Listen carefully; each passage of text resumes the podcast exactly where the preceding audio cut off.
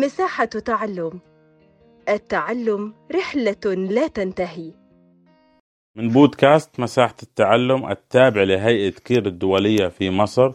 مرحبا بكم. أنا الأستاذ مأمون محمد مدرس مادة اللغة العربية للمرحلة الثانوية منهج مصري. حنعمل اليوم مراجعة لدرس المشتقات للصف الأول الثانوي. سنتحدث فيه عن عمل بعض المشتقات وهي اسم الفاعل والمبالغة واسم المفعول. ولنبدأ سوية باسم الفاعل. تعلمون أحبتي الطلبة أن اسم الفاعل يصاغ من الفعل الثلاثي على وزن فاعل. فإذا كان الفعل من ثلاث حروف يجب أن يكون اسم الفاعل منه على وزن فاعل. مثل كتب كاتب درس دارس قرأ قارئ شرب شارب وهكذا. أما إذا كان الفعل فوق ثلاثي أي أن عدد حروفه فوق الثلاث حروف فإننا نأتي بالفعل المضارع منه ونبدل حرف المضارعة ميما مضمومة ونكسر الحرف ما قبل الأخير. مثل الفعل ساعد. لاحظوا معي أحبتي أن الفعل ساعد يتكون من أربعة حروف أي أنه فوق الثلاثي. فنأخذ المضارع منه يساعد ونقلب الياء إلى ميم مضمومة فتصبح مساعد ونكسر الحرف ما قبل الأخير وهو العين ليصبح اسم الفاعل من الفعل ساعد. أحسنتم مساعد. ساعد مساعد. جاهد أحسنتم مجاهد. احترم. أحسنتم احترم. تصبح يحترم محترم. وتصبح اسم الفاعل منه محترم. إذا احترم. محترم. طيب نظم ما اسم الفاعل من الفعل نظم أحسنتم نظم منظم. نظم منظم. لنقرأ هذه الأمثلة ونستخرج منها اسم الفاعل. الإسلام حافظ حقوق المرأة. المثال الثاني هذا الرجل متقن عمله. لاحظوا أن كلمة حافظ ومتقن جاءت على صيغة اسم الفاعل حافظ من الفعل حافظ عفوا من الفعل حفظ ومتقن من الفعل أتقن.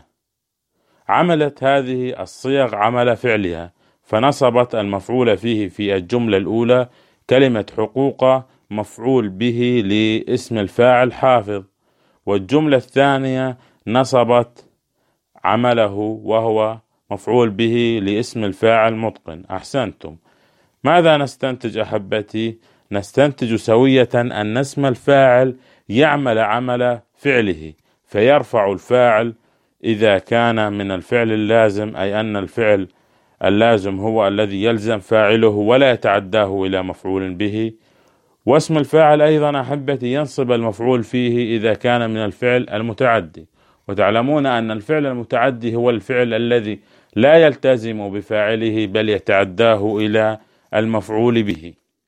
وهناك أصدقائي صيغ لمبالغة اسم الفاعل وهذه الصيغ ثابتة يجب علينا حفظها جيدا وهي فعال مثل جذاب ومفعال مثل مقدام وفعول مثل صبور وفعيل مثل شهيد وفعل مثل نشط. هذه الصيغ أحبتي أيضا تعمل عمل اسم الفاعل فتنصب الفاعل فترفع الفاعل وتنصب المفعول به. أحسنتم. هذه الصيغ تنصب المفعول به وترفع الفاعل. مثل قولنا الفضول العلمي جذاب شغف العلماء. الفضول العلمي جذاب شغف العلماء. أين صيغة مبالغة اسم الفاعل؟ أحسنتم. كلمة جذاب. إذا جذاب صيغة مبالغة اسم الفاعل. لكنها عملت عمل اسم الفاعل فنصبت المفعول به شغف شغف إذا مفعول به لصيغة مبالغة اسم الفاعل جذاب. وهي على وزن أحسنتم جذاب على وزن فعال. أما الصيغة الثالثة في مراجعتنا هذه فهي اسم المفعول. تعلمون أن اسم المفعول يأتي من الفعل الثلاثي على وزن مفعول مثل قرأ مقروء درس مدروس أكل مأكول أحسنتم شرب مشروب أحسنتم. أما إذا كان الفعل فوق الثلاثي فإننا نأخذ الفعل المضارع المبني للمجهول ونقلب حرف المضارعة إلى ميم مضمومة ونفتح الحرف ما قبل الأخير. إذا نفتح الحرف ما قبل الأخير.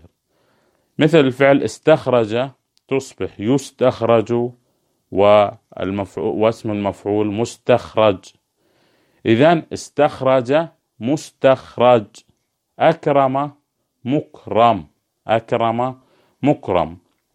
والفرق بين اسم الفاعل واسم المفعول من الفعل فوق الثلاثي أن اسم الفاعل ما قبل حرفه الأخير يكون كسرة. أما اسم المفعول يكون الحرف الأخير ما عنده وهو فتحة. إذا اسم الفاعل حرفه ما قبل الأخير كسرة واسم المفعول حرفه ما قبل الأخير فتحة. ويعمل اسم المفعول عمل فعله المبني للمجهول فيرفع نائب الفاعل وينصب المفعول به.